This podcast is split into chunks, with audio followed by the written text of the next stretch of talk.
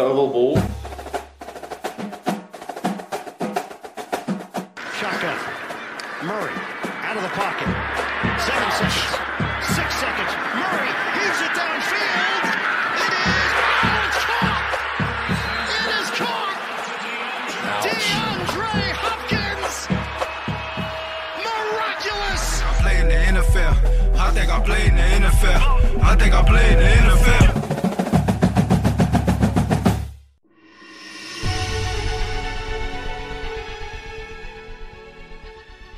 Hjertelig velkommen og riktig godt nytt år fra Oval ball. Vi er to i studio i årets første sending, og vi har mye å prate om. Godt nyttår til deg, Stian. Godt nyttår, Eir. Gamic 16 og Gamic 17 har blitt spilt siden sist vi møttes, og nå er det snart playoff. Vi skal selvfølgelig gi deg alt du trenger å vite om siste uke i regular season. Vi skal spå playoff og fortelle deg om hvem som kan og vil og bør gå videre. Og jeg skal hente fram en liten overraskelsesspalte, Stian. Og vi skal kåre ting. Og ja, i 2023 skal vi òg komme med en anbefaling. Jeg lar snappen gå i snøføyka i Oslo. Fotball til folket. Fotball til folket.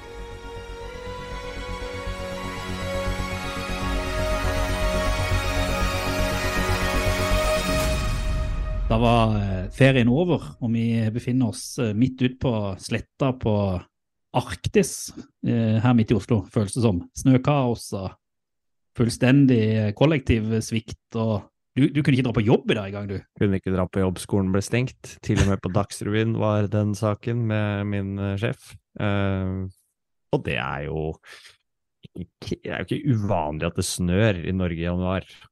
Det er jo ikke det. Men så drøyt som det kanskje har vært nå, er ikke vanlig. Det er noe sånn ekstreme tilfeller hvor ikke brøytebilen liksom kommer til, og det skjer på ettermiddagen, sånn som i går. da. Vi spiller jo da inn i dag, er torsdag, onsdag. Mm. Jeg kom meg ikke hjem fra jobb før kjempeseint. Ja, Det var grunnen til at ikke vi spilte inn eh, sending i går. Du rett og slett var stuck in traffic. Jeg kom meg ikke hjem. Det, var, eh, det er én vei som går eh, til og fra det området hvor jeg jobber, og den var sperra av en buss som sto på terket. Og da Da er Det bare gitt. Hva kan du gjøre da. Å bli sittende og jobbe litt lenger og sende unga til noen andre og overlate det til seg sjøl. Klappa. Ja, du, men du har litt sånn hjemmekontor eh, Ja, altså Jeg har vært på jobb nå to, to dager på rad. Togene har gått og sånn. Den er halvveis Follobanen, som eh, ender Østfoldbanen. Men eh, eh, hjemmekontor i morgen, når det skal snø som et galskap igjen, da sperrer jeg meg inne. Ja, jeg antar at det blir det på meg òg, uten at jeg skal si det for sikkert. For det viser seg sånn i Skole-Norge at du har egentlig ikke hjemmel for å bare ha, kjøre føre var i hjemmet. Du må, det må være et nødstilfelle som gjør at du må fatte en hastebeslutning. Men når politiet sier at de anbefaler hjemmekontor, så tenker jeg da, da begynner det å nærme seg nå. Er ikke nok. Ikke nok, nei. Skole-Norge, vet du. Skole-Norge. Jeg syns synd på de som går der, som har sånn der eh, fraværsgreie, har de ikke det? Så det, sånn der, det hjelper ikke å si at du ble forhindra av snø. Da får likevel sånn anmerkning og kan miste oppmøtet, kan du ikke det? Du kan det, men skal vi si, vi er jo litt romslige når det blir sånn som det er nå. Oi, oi, Tonje Brenna, er hører du dette? Ja. Jeg tror ikke hun hører på. Å, ikke det. Det hadde vært gøy hvis du gjorde. Da må Ja. hun hyle ut. Det hadde Da, vi, da kommer sikkert uh, elevombudet og mobbeombudet og alle de som er på en måte uh, taler elevenes sak, de er nok enige med oss. Ikke sant. Men du, åssen har ferien din vært? Helt konge. Uh, det er jo sånn når du har en uke pluss med fri, da rekker du å komme inn i modus. Såpass at det er vondt å starte opp igjen. Altså, du har vært så i modus, du, på sosiale medier. Det har vært så mye eh, alkohol og snø og avslapping og badstue og det, eller nei, boblebad er det vel? Jeg var på badstua. Ja. Ja, fytti faen, ass. Det var Ja. kos. Jeg var jo først eh, ja, vanlig julefeiring hos eh, foreldre og kaos eh, i Fredrikstad, og så var vi på fjellet nå siste altså nyttårshelga, og det var Mm. helt konge. Og hva med deg? Du har hatt det konge? At det veldig avslappende, det skal sies. Men du eh, starter jo på en måte 2023-sending med ja, det ja, samme sånn som hatt egentlig 2022. Eh, jeg kan jo si det sånn, Vi fikk en julaften, og det var hyggelig. for Vi hadde jul her hjemme hos oss med familie Mm. og sånn. Og så våknet vi opp på første jul da. Poden har fått seg ski, så vi tenkte da at vi tar med han ut på formiddagen, prøver skiene. Og så var han så utrolig lite gira på ski og ville ikke stå over bare sånn, og så måtte, måtte vi bare ta han inn, da. Så var det sånn Kjørte ikke min taktikk. Tvang han gjennom. Kom igjen, nå skal Eh, jo, du stå. han- Kom igjen, vi skal gå noen runder. Han er tre år, da. Eh, Så han på en måte ikke han. Nei, nei, nei ikke sant? men konsekvensen var jo det samme som hos din. Vi Ja, tok ja. han inn, så hadde han 40 i feber. Nettopp. Eh, og de 40 i feber de varte fram til nyttårsaften. Så eh, vi, da, vi dro til, til Sørlandet, tok han med eh, full av feber i bilen, ikke veldig gode foreldre. Fyrer han med Paracet, sånn at han skulle holde ut. Uh, og det er egentlig det jeg har gjort. Jeg har sittet og sett mye TV med han liggende oppå meg. Uh, spist mye dritmat, og til slutt ble han frisk, da, så vi kom oss på kino første nyttårsdag og fikk se Kardemommeby. Så det var jo det var artig. Så mitt høydepunkt var egentlig nå for to timer siden, hvor jeg da endelig fikk tatt på meg mine egne ski og gått min første skitur på et år ute i, i marka her når snøen har kommet. Kom du til lasarettet? Ja, det Mm. var deilig. Så må man benytte den muligheten de få dagene før regn og, og holka og jeg sikkert brekker lårhalsen og må legges inn på sykehuset som er altfor fullt. Ja. Men eh, Kenneth har slutta, han. Ja, Kenneth har slutta. Men vi ser om han kan gjøre et comeback i 2023 litt seinere. Kanskje. Vi må vente til 2024. Men nå prater vi fotball.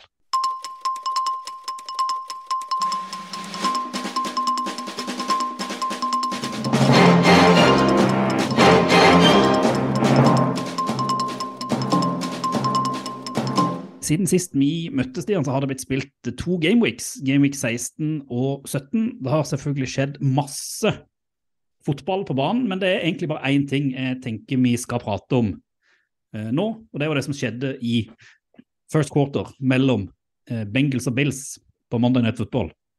Som skulle Mm. være den store avslutninga på Game Week 17, hvor da safety på eh, Buffalo Bills eh, blir takla, eh, slash takle eh, T. Higgins, eh, og kollapser på banen, eh, Damar Hamlin.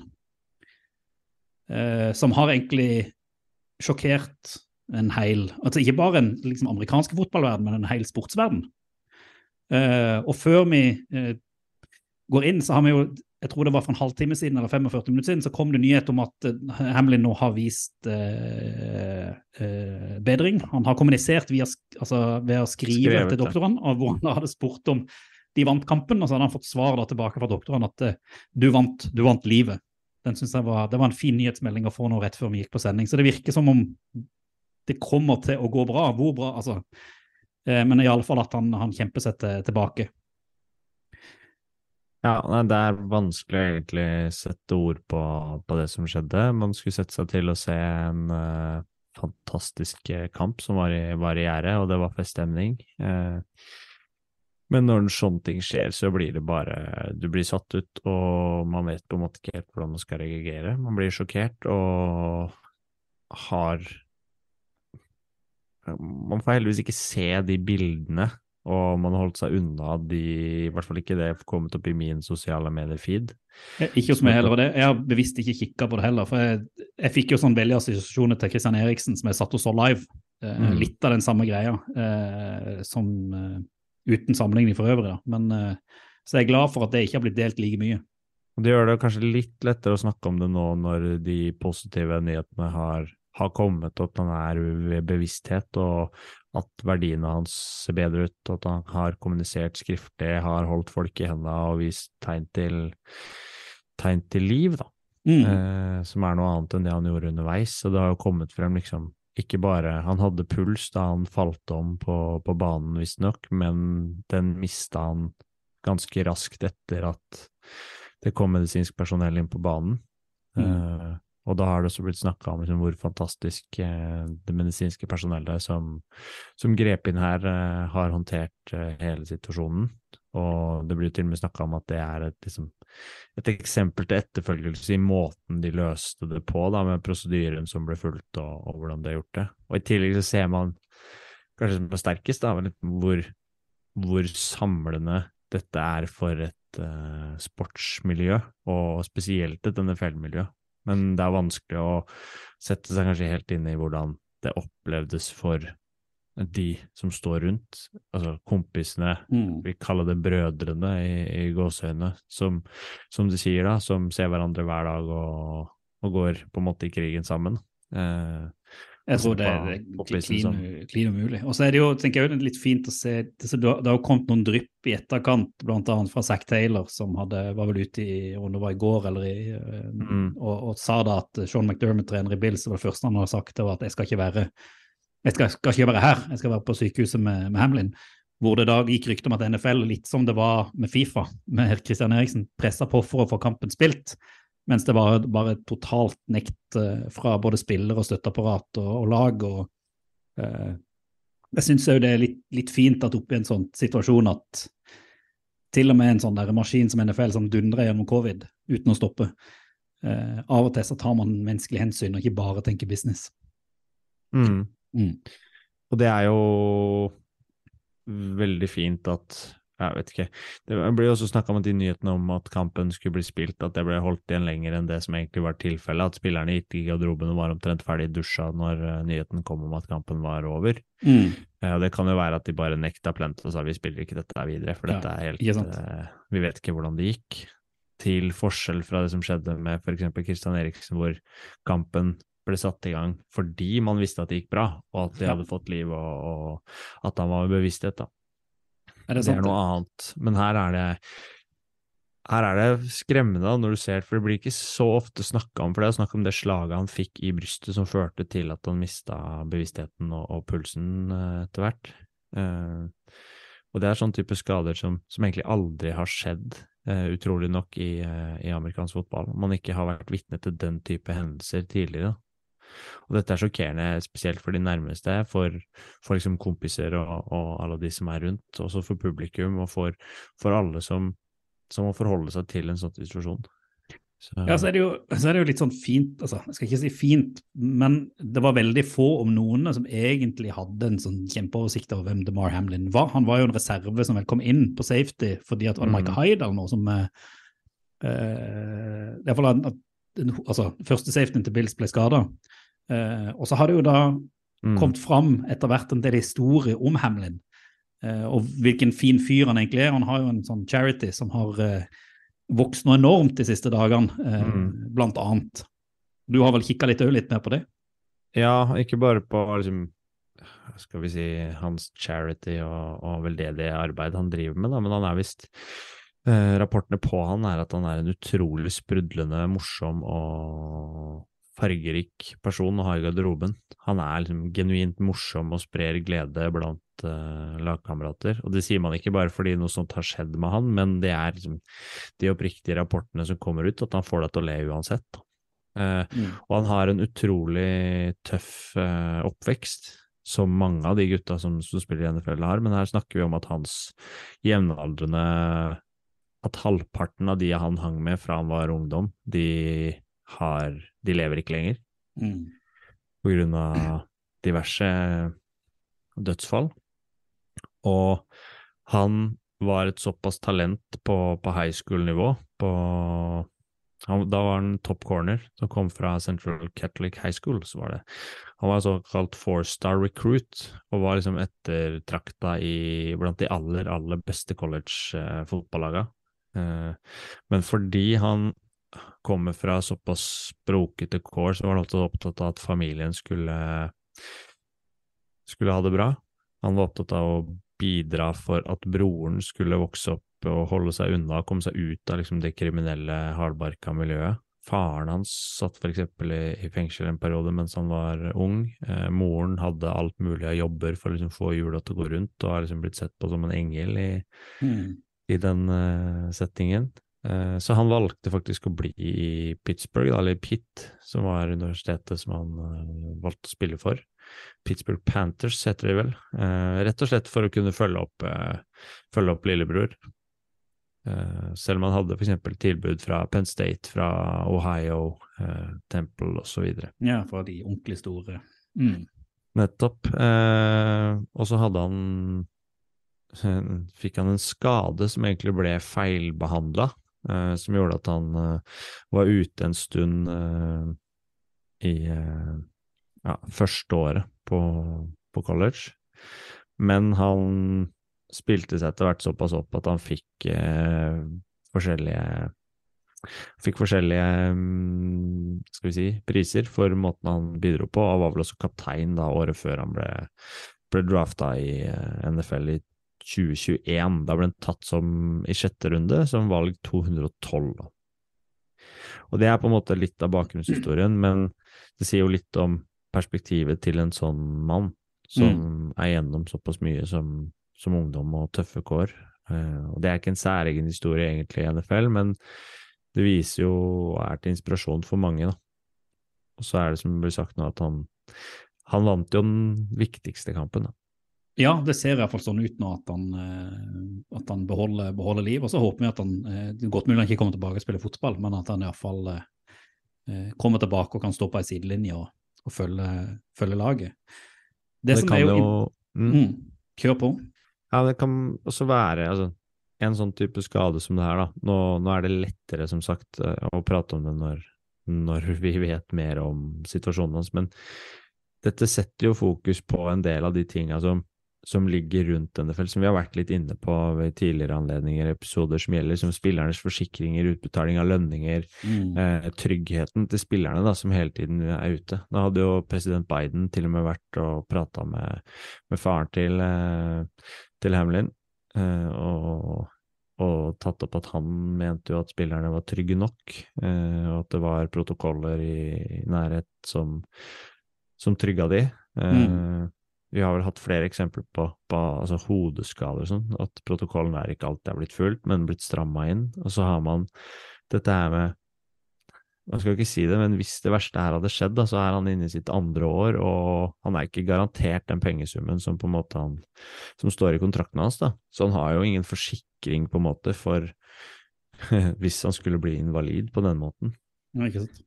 Så, så, det er kanskje mange diskusjoner og saker som vil komme opp sånn i kjølvannet av det som skjedde, og det blir kanskje mer, kommer kanskje før heller enn senere enn hvis om, og det ser det ut til at det skal gå bra med han, da. Jeg tipper jo de vil komme opp i offseason i alle fall. Eh, fordi at det, det, Altså, du har skader som dette som er livstruende, men så har du òg andre skader som bare er karriereødeleggende, eh, som du ja. sier. Som ikke gjør at du, det går på liv, men at du rett og slett ikke kan spille. Mye hodeskade, blant annet, eh, og, og så mm. videre. Eh, men det, vi må jo altså, Jeg skal ikke prate mye fotball her, men det som er interessant, er at det, det som skjedde, var jo at Bills og Bengals sin kamp ble avlyst. Og nå prater vi torsdag 5. januar. Det er iallfall avgjort at den ikke kommer til å bli spilt før Game Week 18. Hvis den skal bli spilt, så kommer den til å bli spilt etter. Og ryktene sier jo at den kampen kommer ikke til å bli spilt. Uh, og det gjør det jo Vi skal prate litt om det senere, men jeg tenker det gjør jo det playoff-racet i AFC, AFC, ganske interessant. Fordi at mm. den kampen har en betydning, spesielt da for one-siden i den avdelinga. Eh, de ryktene jeg har hørt, er vel at det trolig kommer til å bli en tie eh, hvis det skal føres, og at begge lag egentlig er ganske fornøyd med det. Men det kan jo ha en betydning da for at mellom spesielt den one-siden mellom Chiefs og, og, Bills. Og det siste ryktet jeg har hørt, da, og dette er bare ryktet, Stian, det er jo at NFL eh, ryktes å se på mulighet å legge til et åttende lag i mm playoffen på AFC-siden, men som da òg betyr at one-siden ikke får en bye. Sånn at det vil bli en ekstra kamp i wildcard-weeken mellom one-seed og det ekstra laget som er nummer åtte. Som da gjør at Nå skal vi diskutere playoff etterpå, men det vil jo gjøre da at plutselig så åpner det opp et enormt playoff-race i Game Week 18 mellom masse lag som egentlig var eliminert. Og jeg må si, jeg liker jo litt den løsninga, fordi at det gjør at eh, eh, liksom Bills, eller for så vidt Bengals, ikke blir straffa for at den kampen blir avlyst, men at du gir en mulighet for en litt mer sånn fair eh, game, og så får du en, liksom, til og med en liten wildcard i wildcard-weekend med at det kommer et ekstra lag. Mm. Nå er jo NFL liksom kjent for å være det opplegget så, og sirkuset som dundrer på uansett hva som skjedde. da. Vi kommer ikke så langt unna covid og ekstremt mange dødsfall i USA knytta til det, mm. eh, hvor de insisterte på å gjennomføre. Det er vel, Vi skal vel tilbake til liksom 9-11, eh, og da utsatte de det vel bare en uke. Ja. Og Det er vel liksom den eneste gangen det har skjedd et eller annet som har endra med schedule og kamper har blitt flytta på, hvis ikke det har vært værutfordringer og sånne ting som har, som har gjort det. Men selv da så ble jo altså Buffalo Bills også liksom utsatt for å bytte, bytte kamparena, ikke sant? fordi det var snøvær som gjorde at ikke de kunne spille på hjemmebane, så de mm. måtte spille i Detroit isteden. Så det ene er jo liksom Detroit har vært utsatt for ganske mange og, og litt sånn spesielle situasjoner i år. Og Ja, Bills. Eh, Ja. ja, Mm. Og i tillegg nå så får du jo får du liksom den Det ligger litt bakteppet liksom hvordan NFL prøver å holde hjula i gang, og det, det er jo lettere igjen. Og det er jo utrolig godt å se hvor, hvor mye bedre han, han har blitt på såpass kort tid, da. Eh, og at, lege, at det er såpass god legehjelp, og eh, at det er et samfunn som, som både tar vare på hverandre, men også tar vare på liksom alt rundt der. da, Familien hans ble, ble spandert på middager ute, og ble tatt vare på, folk dro til sykehuset, lagkompiser skulle vært til stede. Eh, men så har man man har forståelse for, men, men NFL vil jo liksom de har jo ting som skal gjennomføres, og andre lag som må kjøre. og Når vi skriver liksom torsdag i dag, eh, så skulle alle lag vært i gang med treninger og forberedelse til kommende kamper. Det starter de ofte med på onsdager, hvor de får liksom ny playbook og skal begynne å forberede seg. Eh, mens trenerne egentlig har vært i gang fra altså mandag kveld, så er det nesten Mm. for seint. Og det setter jo ting litt i perspektiv på hvor Bill står en før nå Gameweek 18 også, som, som gjør at de har en relativt viktig kamp de skal spille. Eh, og det er ikke bare bare å nullstille etter en sånn situasjon, verken for, for eh, Buffalo Bills, som har en uh, lagkompis og spillere som har lagkompis som ligger uh, på sykehuset, kobla til respirator, Mm. um, og Cincinnati Bengals, som, som også liksom opplevde dette på nært hold. og Jeg tror de ser på hverandre som ganske uh, tette kolleger og har respekt for, for hverandre ute, ute på banen. Mm. Eh, Så jeg tror man blir påvirka av det. Og ikke minst så, så er det vanskelig liksom Det er en slags traume de skal gjennom, da. Og det er vanskelig å Det er vanskelig å se, liksom, og, og, og vurdere hvor viktig blir fotball i alt dette. Det Altså, jeg, jeg tror det kan gå, gå begge veier, for det kan være at de rett og slett blir så påvirka at dette her de altså, Fotballen får ikke noe betydning. at dette er liksom, eh, Men så kan det være at siden han da eh, bedrer seg, gir noen indikasjoner på at han liksom støtter lagkameratene, så kan det jo være at dette her blir motivasjonen. Eh, altså, skulle jeg si, Både for Benkels og Bills, men kanskje spesielt Bills, at det, de kommer til å spille for Hamlin. eh, og ønsker at han skal liksom sitte igjen med en ring på slutten, som en sånn eh, hedersbetegnelse. Altså, man, man vet ikke, og det kan være ulikt fra spiller til spiller og fra ja, Spørs hvor mye man legger i det etter sånne settinger. Det kan fort Mm. være liksom, det er fans som legger mer i det enn eh, enn spillerne, på en måte. Mm. Det er viktig. Men man vet ikke, og det blir, blir først og fremst spennende å følge utviklinga og, og se at Damar Hamlin blir bedre. Mm. Men så får vi se hva NFL finner ut av når det gjelder eh, når det gjelder videre opplegget. Det har fortsatt ikke kommet noen rapporter på det her vi sitter i dag. Nei, følg oss på sosiale medier, så skal vi dele det vi har, i alle fall. Så uh, tipper at det kommer en avklaring, om ikke før Game Week 18, så kanskje rett etterpå. Vi får, eh, vi får se. Topp tre. Tre topp. Pott tre. Opp tre. Topp tre. Ovalvals topp tre. Det ble spilt eh, noe fotball også eh, før det tragiske med DeMar Hamlin skjedde. Og vi skal holde oss liksom til, til manus og til, eh, til opplegget som vi vanligvis kjører, men vi, vi gjør det litt raskere denne gangen, greier, og, og kjører en rask eh, topp tre fra, fra Gameweek 17, tenker vi at det er mest hensiktsmessig. Gameweek 16 så satt alle og var mette på ribbe og, og sleit litt med å ja, Altså, sleit litt med å svelge. Mm. Det er, altså, det er en fantastisk idé å ha en NFL-runde på 1. januar. Det er en veldig deilig dag å, kunne bare legge seg tilbake på sofaen og kaste i seg godteri og se på NFL, altså. Ja, kjørte hjem fra fjellet den dagen Å, fordi man skulle på jobb dagen etter. Det var altså trafikkaos uten like. Ikke på den måten som det var nå fordi det var glatte veier, men fordi alle skulle hjem Så- samtidig. Så det er på din topp tre, altså? Ja, det kunne Ja. det. Men, eh, men eh, jeg, kan, jeg kan godt begynne, altså. Og jeg har fra kampen mellom Patriots og Dolphins, Ja. eh, så har jeg faktisk den lille inten som Kyle Duggar hadde. Mm, den, fikk, du med deg den? den fikk jeg med meg.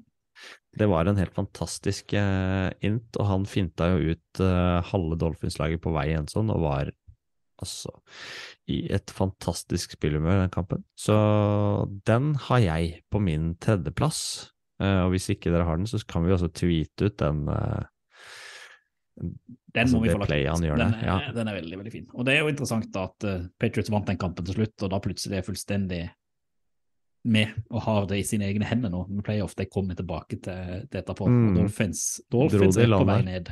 Det er de, definitivt. Har ikke quarterback. Nei, apropos en som eh, En av de store historiene som kom i eh, eh, Mens vi har vært borte, det er at Derek Carr er blitt benka i Raiders. Dette er min topp tre. Kommer nok ikke til å spille mer for Raiders, tror jeg. Usikker på han kom, Jeg tipper han blir tradet et eller annet sted. Men da kom eh, Jared Stidham Mm. som inn som quarterback. Og hei hå som han og Devonte Adams leverte mot ligaens aller, aller, aller beste forsvar, ditt 49ers. Ja, de hadde en day off, de. Ja, altså Her kom han inn som liksom en sånn backup til Derek Carr. Har 365 Barts passing yards, tre touchdowns. Eh, ja, han har to interceptions, det skulle bare mangle mot et så godt eh, forsvar. Eh, og, det og det så ut som at Daunt Adams hadde liksom spilt med Stidham hele livet. Eh, 153 passing yards, eh, to touchdowns. Eh, leverer òg noen sånn helt ville mottak. Og Raiders så ut som et hva ser det jo så ut som et mesterlag. Eh, og det, det var jo så vidt at det, var på overtid, var det ikke det? Fortinanders vant den kampen, om jeg ikke husker helt feil. Det var på overtid, og de hadde mulighet til å bomme med field goal rett før slutt òg, Ja, ja, ja. og så vant de opp et field goal til slutt. Eh, det kan jo sies i den kampen at Christian McCaffrey hadde vel kanskje sin beste kamp i Fortinanders-drakta. da. og Brook Purdy gjorde seg heller ikke bort i den kampen, så det var en veldig underholdende og fascinerende kamp å, å følge og se. Ja, ja. Så jeg ville bare skryte litt av, av Stidhammen, som var eh, eh, imponerende. Og det betyr nok at Derek Carr er veldig ferdig i, i Raiders. Så eh, det var min eh, on fire. Eh, og Kenneth har hviska med øret skal sies at han ville gjerne at denne skulle være på lista, så da må den være, da må han være Han ville, han ville bare ha at Han ville bare ha den. han. Det var det. Ja. Var var ferdig, ikke at ja. Og så har, du på en måte tatt de jeg ville ha på lista resten nå, så da måtte jeg finne på noe nytt. Å ja, nei, for den her er egentlig til Kenneth som elsker Kevin Thibodeau. Mm. Uh, og han viser seg til å være en ganske sånn smakløs fyr.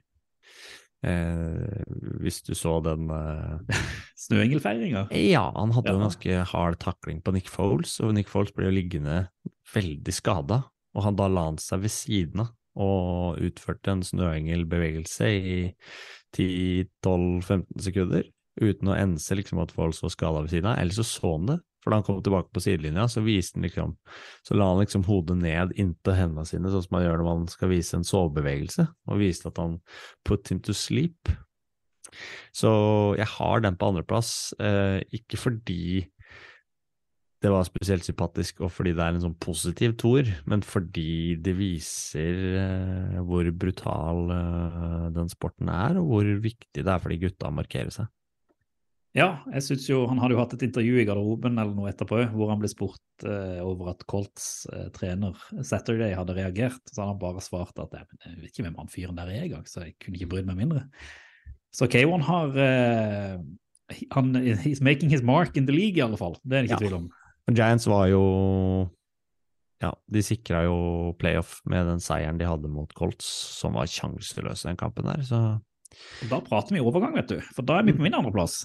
Mm. Det er jo selvfølgelig Danny Dimes, Daniel Jones, som kanskje leverte sin beste kamp i en uh, uh, Giants-drakt eh, ja, i NFL uh, noen gang. Eh, hadde to touchdowns på passing, hadde vel to touchdowns med rushing. Eh, nå møtte de Colts, det må jo understrekes. Det er jo NFLs uten tvil dårligste lag for tida. Eh, men sånn som eh, Jones ser ut, sånn som eh, Giants nå har sett ut de siste rundene, kom seg til playoff for første gang siden 2016, om jeg ikke har tatt feil. Eh, jeg liker det.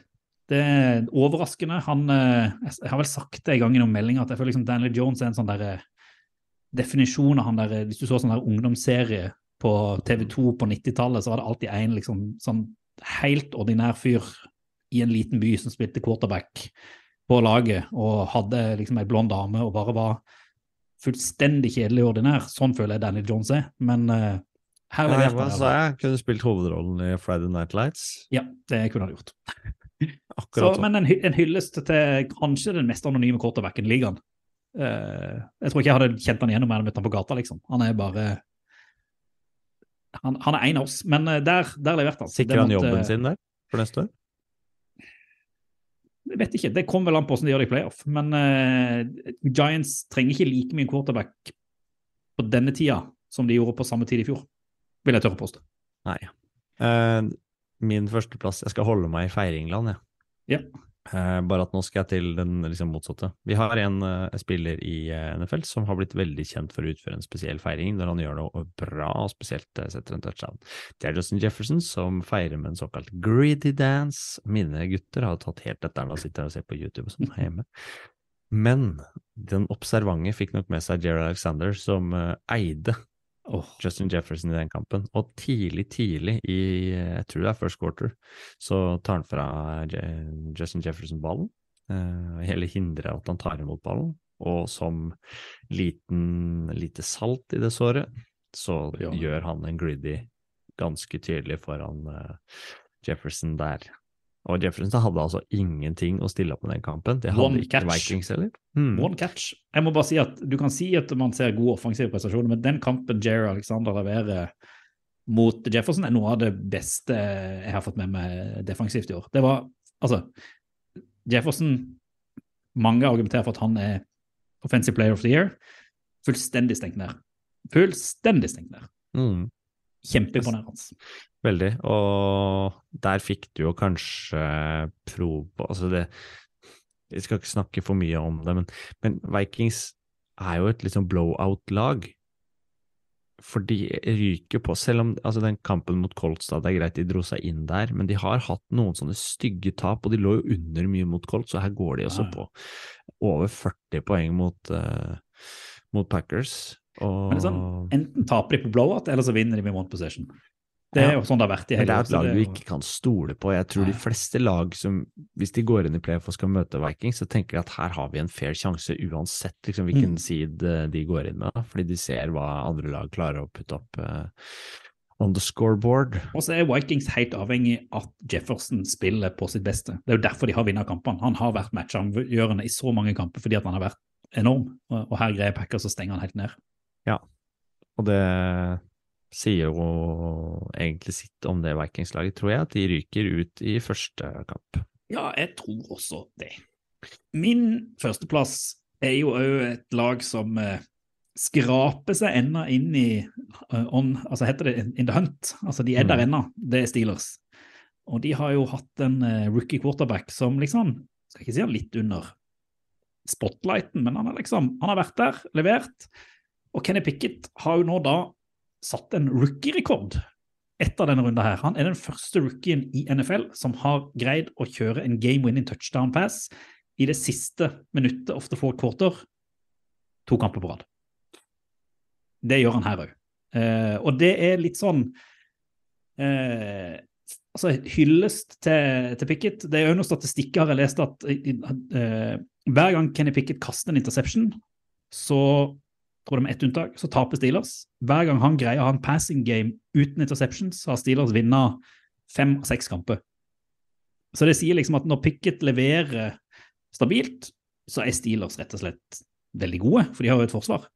Så eh, nå vi, skal vi prate litt om det etterpå, men eh, hvis Steelers kommer seg til playoff, så skal du ikke se bort ifra at eh, Kenneth Pickett, med den erfaringen han har nå, kan kjøre en av disse driverne på slutten og, og vippe kampen i sin favør. Så det er en liten hyllest til en av rookiene vi har prata Vi har prata mye om han før sesongen, men vi har ikke prata så mye om han eh, i løpet av sesongen. Så det Han har liksom litt sånn stille og rolig eh, tatt den rollen og kanskje blitt iallfall en quarterback som Steelers mer og mer stoler på. Ja, og ikke minst så har jo Steelers et ganske ungt og morsomt lag offensivt etter hvert, og se om de Mm. klarer å bygge det med, med noen ekstra steiner. Både Frymouth og Najee Harris og et par av receiverne nå ser jo ut til å være oh, the real deal. Ja, ja, ja. ja, ja. Kenny Pickens, nei, Kenny Pickett så, ja. som, som styrer skuta der. Harris som løp og Mm. Ja, det, Det er noe det med en rutinert trener, da.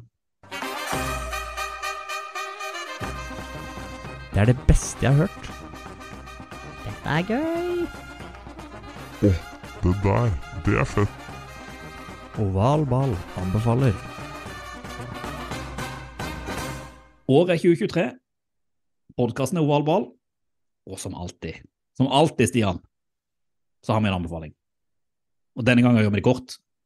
Denne gangen gjør vi det kort, og det er den eneste riktige anbefalingen å ha nå før uh, Game Week 18 og årets uh, siste uh, Red Zone. For på søndag klokka sju. Hva får du Scott på. Hansen. Få det på. Dukk opp siste Red Zone før september 2023. Få det på, sett deg ned, nyt det, elsk det, kos deg. Så kan du allerede følge Scott Hansen. Hvis ikke du gjør det på, på Twitter, så kommer du fra ah, søndag om to uker, så kommer du se hans nedtelling til neste Red Zone-sending.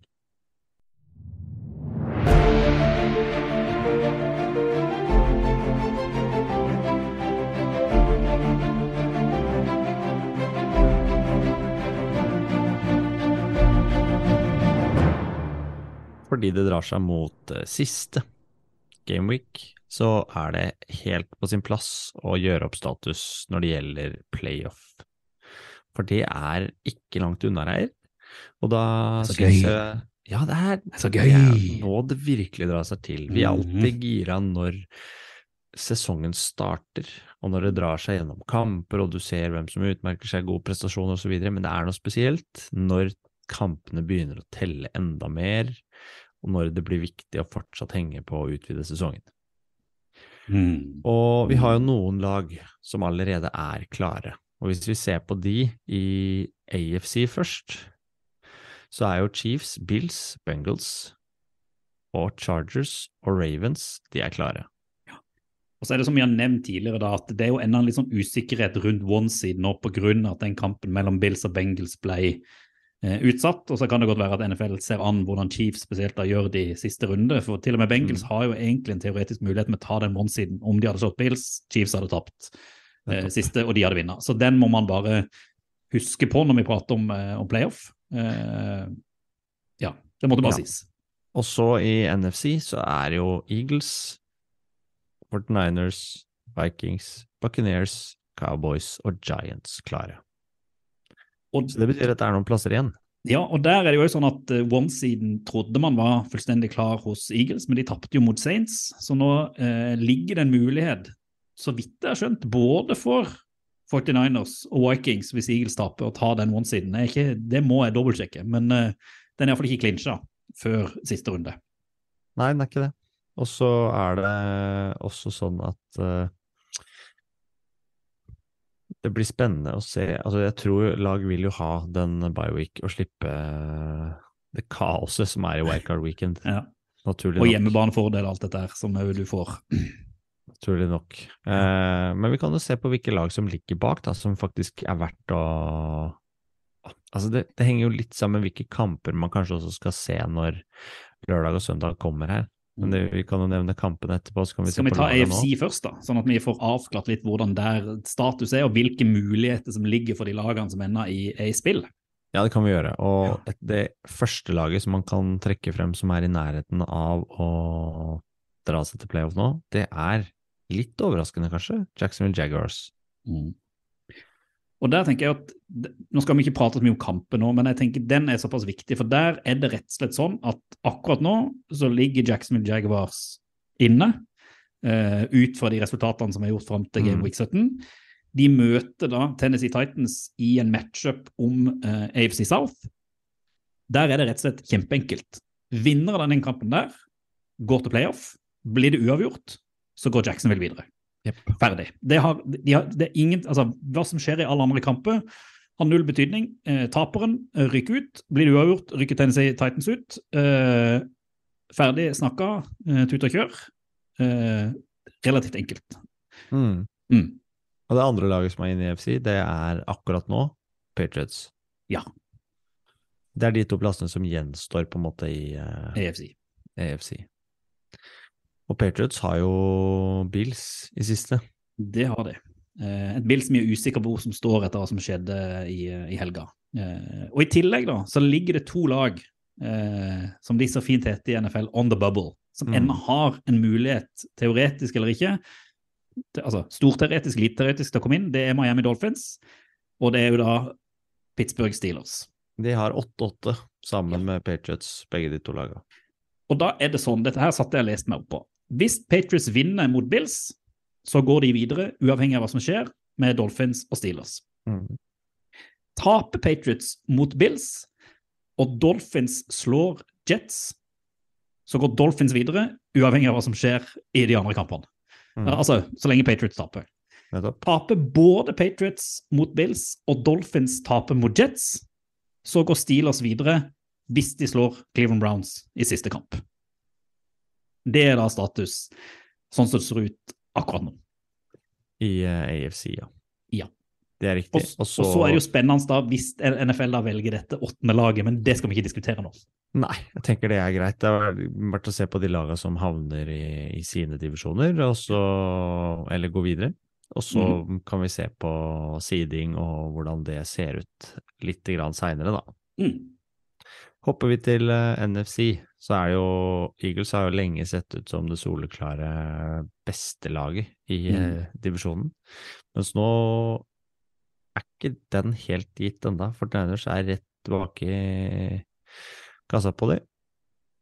Og så har du Vikings hengende rett bak, som eh, ikke har mulighet, da, visstnok. Nei, de er kanskje ute fra den. Men jeg, jeg tror jo alle de tre lagene på toppen kommer til å vinne sine kamper ut fra hvem de møter og, og sånn. Så jeg tipper jo at 1, 2, 3 etter Game Week 18 er Eagles. Eneste er med Eagles er at de har slitt når Minshew har vært eh, quarterback nå. De har ikke sett like bra ut som når Hurts har eh, spilt, og det er ikke sikkert han er tilbake til den siste kampen. Og så slår det meg plutselig her at Cowboys har vel en teoretisk mulighet hvis Eagles taper til å ta den divisjonen, siden de da har eh, vant mot de her sist. Eller Mm. nå, Dette her plutselig burde jeg ha lest meg opp på før vi hadde pod, men eh, det får vi ta og sjekke.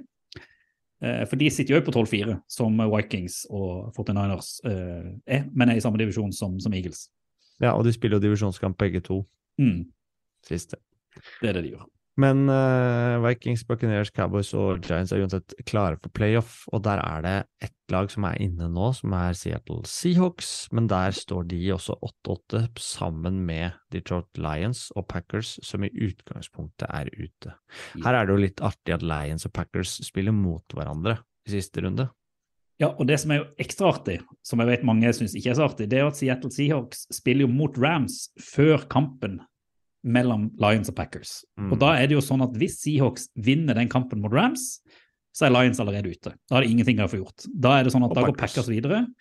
Hvis de vinner over Lions, og hvis Packers spiller uavgjort eller taper, så går uh, Seahawks videre. Altså så Packers er ute. Uh, ja, altså, ta, ta, Taper Packers, så er de ute, men da går Seahawks videre hvis de har vunnet kampen. Mm. Lions må ha Seahawks til å tape eller spille uavgjort, så vidt jeg har skjønt, for at de skal kunne gå videre. Ja, der er det jo én plass igjen, bare. Ja. Og den er, står mellom Seahawks, Lions eller Packers, og den tar Seahawks hvis de vinner.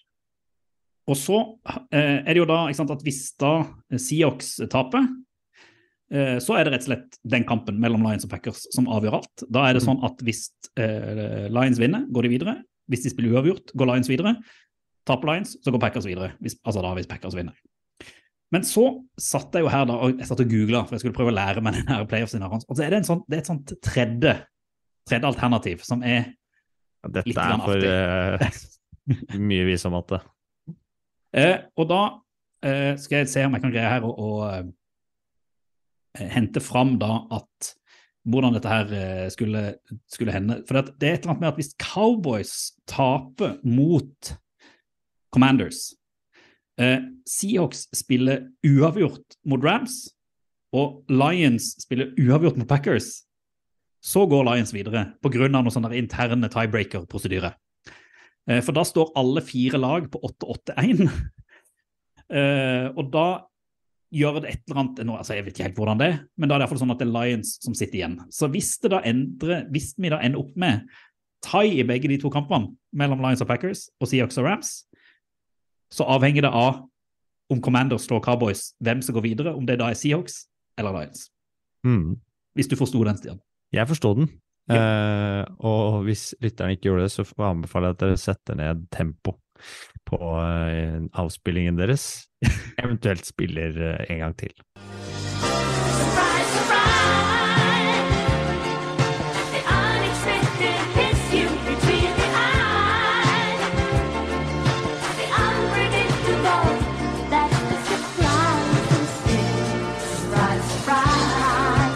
Stian. Da har jeg en liten eh, impulsiv overraskelse siden det er bare oss to. Nytt år. Vi må, vi må ha det litt gøy i podkasten òg. Kan ikke bare eh, prate statistikk og kamper, eh, rating og hiv ohoi.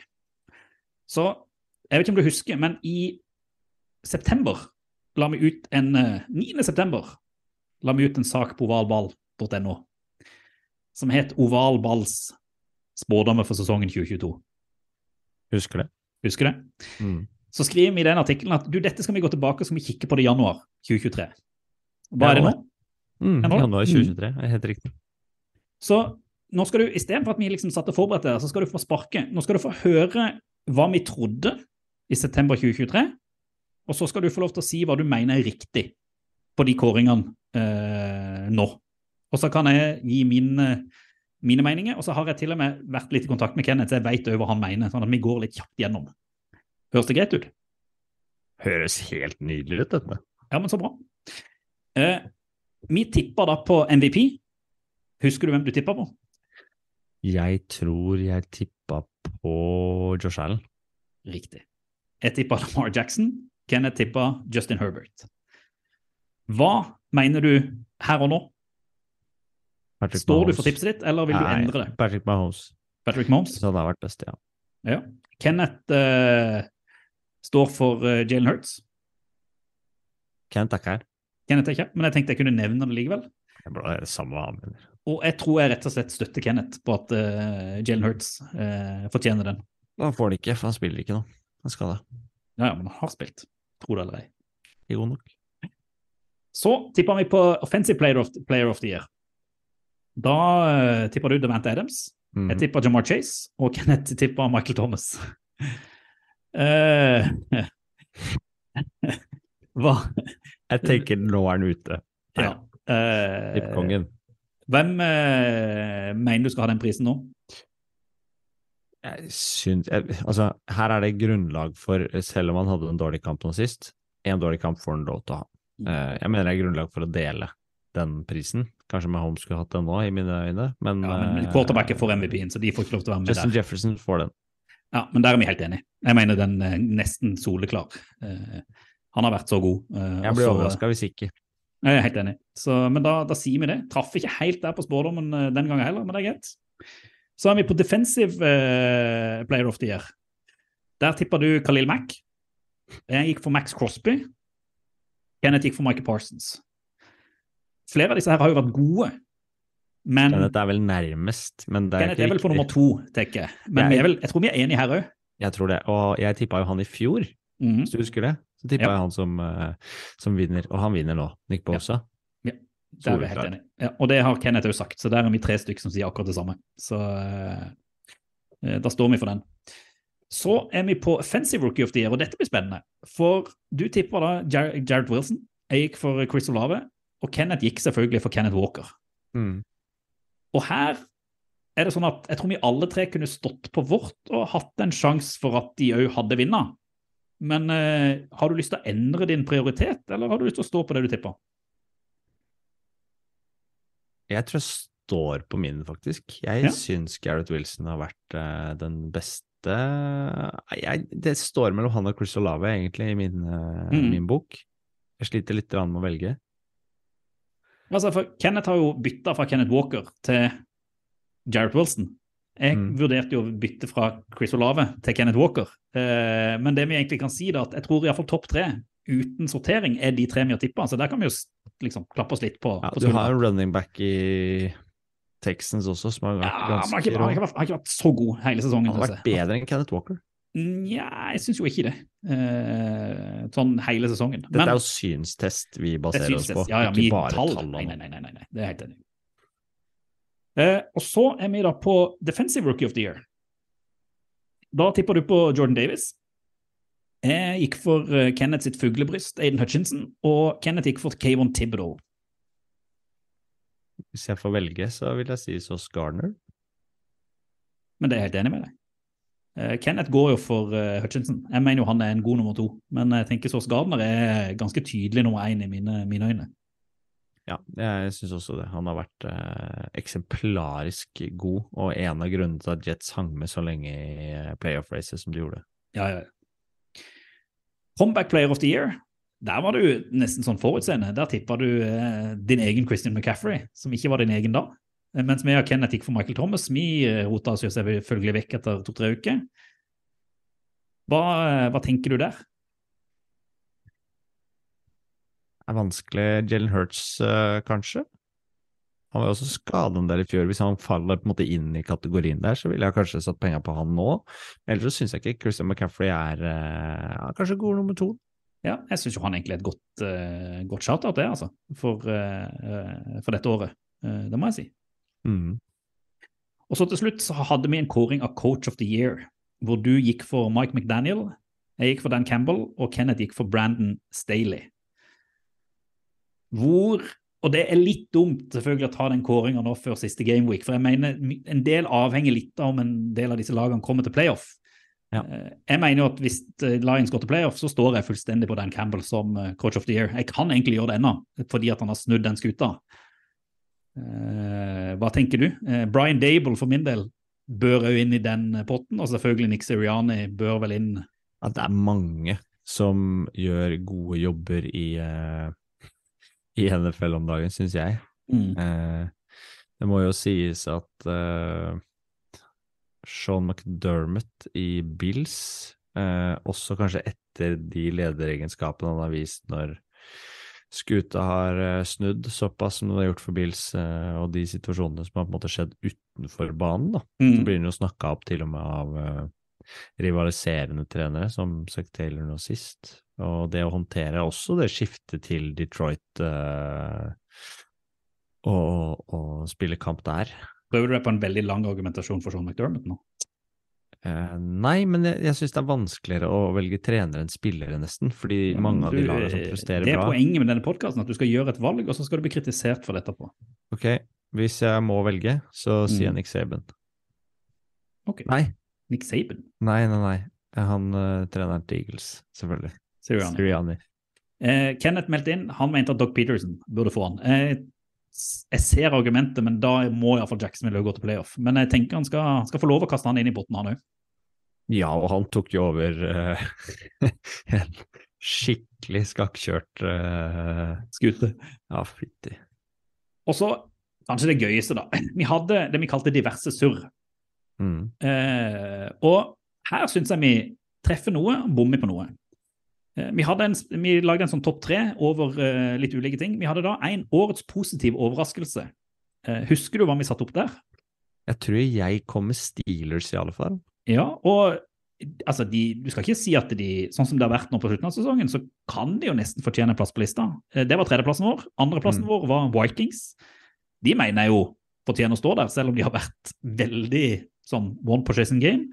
Og på toppen satt vi Giants, og der syns jeg vi traff, egentlig. Vikings skårer 12-4. Ja, Det er Altså- jo overraskende.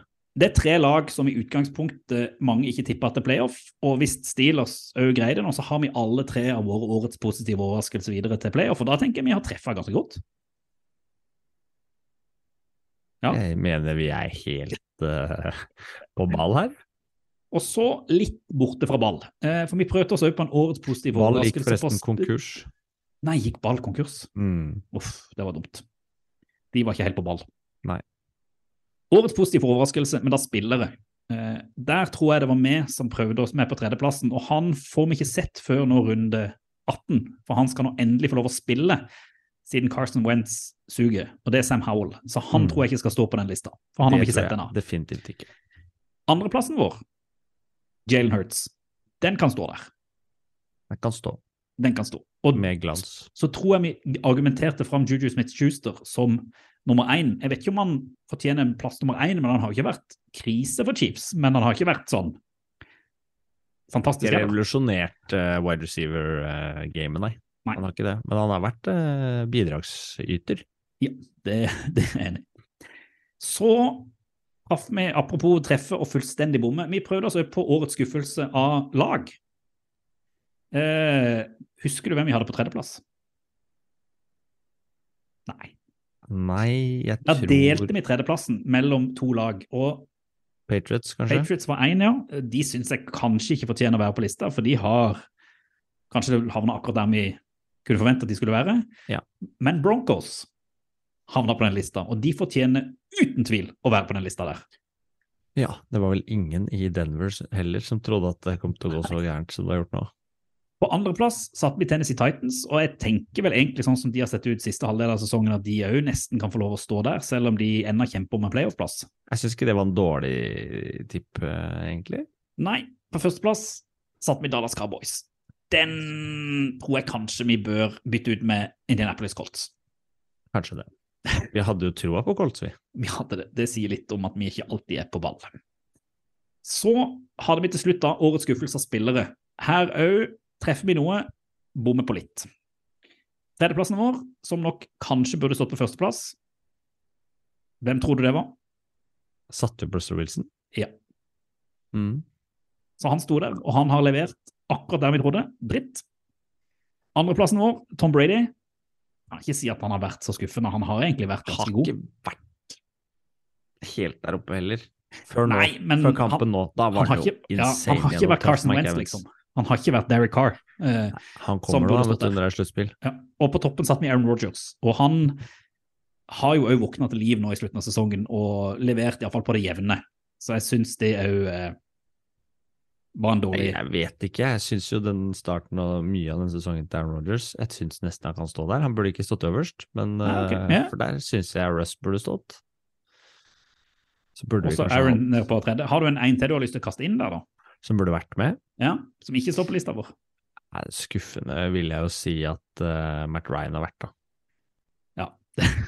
Så det er Ja, men altså sånn Colts, ekstremt mye dårlig. ja, Ja, ja. men så mye dårlig Jonathan Taylor, kanskje. Ja. Og så kan vi jo kaste inn Gino Smith på, eh, på eh, positiv overraskelse, da. Han burde nok stått der, ja. Det er sant.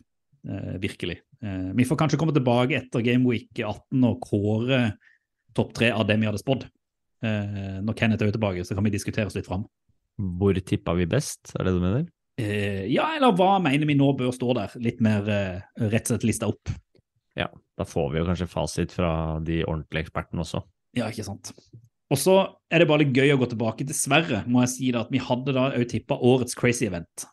Ja, der bomma vi vel. Der bomma vi. Du tippa at det skulle bli en sånn slåsskamp à la Mason Rudolph og Miles Garrett, sånn som det var i fjor. Har ikke skjedd. Det har ikke skjedd ennå.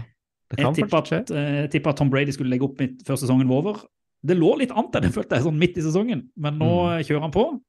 Ja, vi har vel ikke vært nærmere noensinne enn det vi var den uh, sesongen her. Nei, og så kan jeg tippe da at et lag skulle signere Colin Kaepernick i løpet av sesongen, og når Colts ikke gjør det, så, så er det vel Er det ingen som det? ingen som gjør det. Så Kunne det vært skjedde heller ikke. 49ers som henta han inn som comeback. Vi snakka litt om det på moro. Ja. Vi gjorde det. Jeg tror Så- uh, fighten kommer i Lions-Packers-kampen, jeg.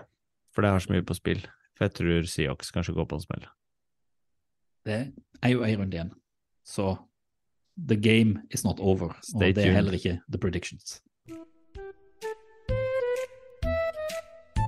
Nei, hva skal du se på? Hva skal du se på? Rundens utvalgte. Det er på tide å se på Gameweek 18s kampereier. Det er på tide å fortelle folket hva de bør holde seg unna, skal vi si, denne uka her. Ja. For nå er det faktisk en del kamper som ikke betyr noe som helst. Og så har du noen kamper som eh, kan bety alt. Som kan bidra til fight, som jeg Virkelig. nevnte. The game is the game. The game is the game. Kjent sitat fra verdens beste TV-serie, det. Mm -hmm. Og jeg tenker du, hvilke kamper skal vi luke bort her? Hvilke kamper vil du ikke sette på når du skal sitte og se kamp? Nå går det to kamper på lørdag. Eh, lørdag kveld 22.30 så går Chiefs Raiders. Er det noe du vil se på? den- ja, det er fordi at det går lørdag kveld. Altså det, det på en måte det i seg sjøl. Altså, Ja, altså og, og Chiefs kan jo sikre en one seed og sånn, så det har noe å si. Noe å si. Eh, og og Raiders har ikke vært uefne heller, så kanskje Nei, får se Stidham og- ja, Nei, sant? Det kan bli- det blir gøy. Det kan vi se. Lørdag kveld 02.15. Vi kommer ikke til å se den. Nei, men hvis jeg skulle valgt en kamp, da Nå vet jeg at vi har diskutert litt, men jeg tror hvis jeg skulle valgt ut én kamp jeg kunne liksom tenke å anbefale som, som kampen, eh, at du Mm. ser den i opptak når du våkner opp og ikke sjekker sosiale medier og sånn, så er det jo Titans mot Jaguars. For det er jo Vinneren går til playoff. Punktum. Eh, Vinneren vinner, vinner er det AFC South. Kjempegøy kamp. Eh, eh, kanskje Trevor Lawrence endelig viser hva han er god til. Altså, en av de Topp tre-kamper den runden som går her, uten Ja. tvil. Eh, den vi kan luke bort tidlig søndag-vindu. Du trenger ikke benke deg for å se på Texans mot Colts. Du trenger ikke benke deg for å se Buccaneers Falcons. Falcons. Og du trenger heller ikke eh, benke deg for å se på Saints mot Panthers. Riktig. Eh, også, Resten kan være greit å følge med på. kan du følge med på på Red Zone. Eh, og det som er jo kjempespennende, er jo, hvis man liksom ser en sånn uh, kombinasjon, det er jo å følge nøye med på Patriots mot Bills og Jets mot Dolphins. For der avgjøres jo uh, hvem som tar en av playoff-sportene i AFC. Mm. Jeg nevner det igjen, da. Vinner Patriots, er de videre. Taper Patriots, så går Dolphins videre. Og så er det jo også Browns mot Steelers i det tidligere vinduet. Så du får liksom avgjort den playoff, AFC-playoffen i det tidlige vinduet. Ja. Eh, hvis da både Patriots og, Jet, Patriots og Dolphins taper, og Steelers vinner mot Browns. Og seinvindussøndag er vel off, er mer prega av hvem som kan ta hvilken seed spot, kan vi si Ja. det sånn?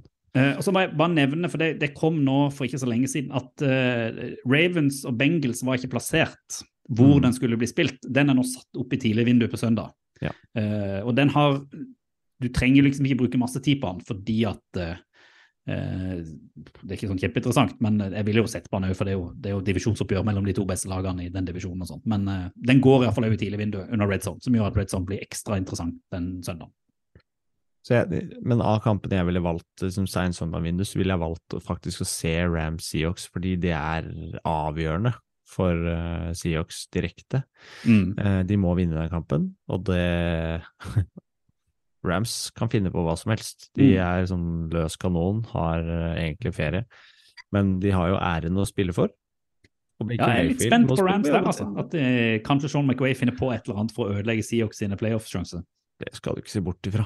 Og det blir jo da, altså mitt valg denne runden her, gitt at Seahawks eh, taper, det er Lions Packers som er Sunday Night Football. Vinner Seahawks den kampen, så er Lions Packers uinteressant. Nei. For Packers, vinner Packers, så er de videre selv om Seahawks vinner kampen. Ja. Så den er ikke uinteressant uansett, den til kampen din. Den er dritinteressant anyway. Det må jeg bare si. Prøvde, prøvde å være litt ironisk, men den tok du ikke. Var ikke det helt tatt. Du skjønner at det er vanskelig. Jeg, har sånn der eh, på spekteret, så jeg tar ikke ironi. Nettopp. Men jeg, jeg tenker som så at uh, Rams vinner mot Seahawks, og så blir Lions Packers en uh, rakkarøkere å følge med på. Oh, yes. Og så har du da, sånn, som, som du sier, liksom standing, at du har Giants Eagles, som bare handler om first seed. Du har Cowboys Commanders, som kan ha en kjempebetydning om det blir uavgjort i, i både Rams-kampen og Lions-kampen, Mhm. som vi driter i den. Chargers Broncos trenger du ikke bruke tid på. Det er det du bør tippe på. Tipp masse uavgjort Ja. kommende helg. Og Cardinals 49ers, som òg går Trenger ikke bruke så mye tid på den heller, egentlig. Gjør du det? Nei, jeg vil ikke det. Jeg ser se høydepunkter, da. Følg litt med, da. Så, Eh, ser på Brock, da. Men eh, jeg tror eh, ukas utvalgte blir altså litt annerledes eh, som siste utgave, fordi at eh, det er mange kamper som er verdt å se på, og så er det noen du bare kan glemme. For nå, nå er det red zone bonanza. Ovalbanen. Fotball til folket. Jeg kom gjennom årets første sending Stian. Gjorde det. Ikke uventa, med bare to stykker i studio. Ikke sant. Og neste uke blir en litt sånn Det blir litt rart nå fremover, for da Vi skal jo selvfølgelig oppsummere hva som har skjedd, men nå begynner vi å Nå, det, nå tror jeg det blir mer fokus på preview fram mot playoff, preview av wildcard, hva vi tror kommer til å skje, hvordan ting ligger an. Vi må selvfølgelig oppsummere eh, siste uka, eh, men nå blir det færre kamper å prate om, og sikkert litt, vi går kanskje litt mer i dybden eh, og tenker litt på, på det, og så må vi jo prate litt om liksom, litt om draft etter hvert, for nå kommer jo draft-ordren til å bli satt. Eh, College-sesongen er jo ferdig, ja, det, det er sant. og det gjør jo at vi må ringe inn en gjest. Eller Ja, egentlig ikke en gjest, han er jo et medlem av redaksjonen. Ja, et medlem oss, altså. Vi, vi håper kanskje at Sander kan komme og gi oss en oppsummering av college-sesongen, og så trenger jeg jeg trenger litt hjelp til å forstå alle disse her finalekampene, alle disse bowlsene som skjer i college. Jeg har skjønt da at 10. januar så går liksom den store finalen eh, mellom eh, Var det Georgia og TSU som Mm. til slutt endte opp der? Eh, men jeg skjønner ikke hvordan de kom dit, og jeg skjønner ikke alle de andre finalene. Sånn. Så jeg håper Sander kunne komme inn og gi litt sånn fotball til folket-forklaring på hva det egentlig det der playoff i college, hvordan det egentlig fungerer. Oppsummert sesongen for oss, ja. Ja, og eh, kanskje nevne noen, noen gi noen fil på litt draft picks som vi må diskutere utover, eh, utover våren. Vi får Det se. trengs. Ja. Det trengs. Hvis ikke han kommer Kan- neste uke, så får vi han i hvert fall inn før, eh, før det blir for seint, sånn at eh, vi holder folk oppdatert. Vil vi ha Kenneth med i noen episoder i år? Ja Når det blir draft, så kommer han til å snike seg inn selv om kona ikke vil, for det er viktigere for han enn eh, NFL-sesongen. Snike seg inn så lenge kona ikke vil. Jeg tror ikke det er lov å si. Det er godt mulig at det er litt på kanten. Jeg tror eh, vi håper på flere positive nyheter rundt uh, Dummer Hamlin. Det er det aller viktigste. Så kommer all fotball, alt det andre, i, eh, i andre og tredje og fjerde og femte rekke. Mm. Fotball er ikke viktigere enn uh, det, altså. Langt det er helt, helt, helt enig. Og til dere der ute som har noe innspill til hvordan uh, vi bør legge opp eh, litt eh, tanker rundt wildcard og, og draft og sånn, så gjerne send oss Har dere noen tanker rundt Har wildcard? dere noen tanker? Er det noe dere ønsker å vite, noe vi skal gå inn på? Det, nå til våren så har vi mer tid til å gå inn i ting som ikke bare dreier seg akkurat om kamper. Ovalballpod, sosiale medier, kontakt etter ovalball.no hvis du eh, ønsker å si noe, ønsker å sende noe, ønsker å skrive noe, ønsker å bidra. Det setter vi stor pris på. Det gjør vi Og, definitivt. Ja, og godt nyttår til alle der ute. Og eh, until next time, Stian. Takk for nå, og football til folket. Fotballen til folket. Do the Titans have a miracle left in them in what has been a magical season to this point? If they do, they need it now. Christie kicks it high and short. Going to be fielded by Lorenzo Neal at the 25. Yeah, give it Pitches to- it, back to Wycheck. He throws it across the field to Dyson. He's got something. 30, He's got something. 50. He's got it. 40, He's got it. 20, 10. He's got it. End zone. Touchdown Titans. There are no flags on the field. It's a miracle. Tennessee has pulled a miracle.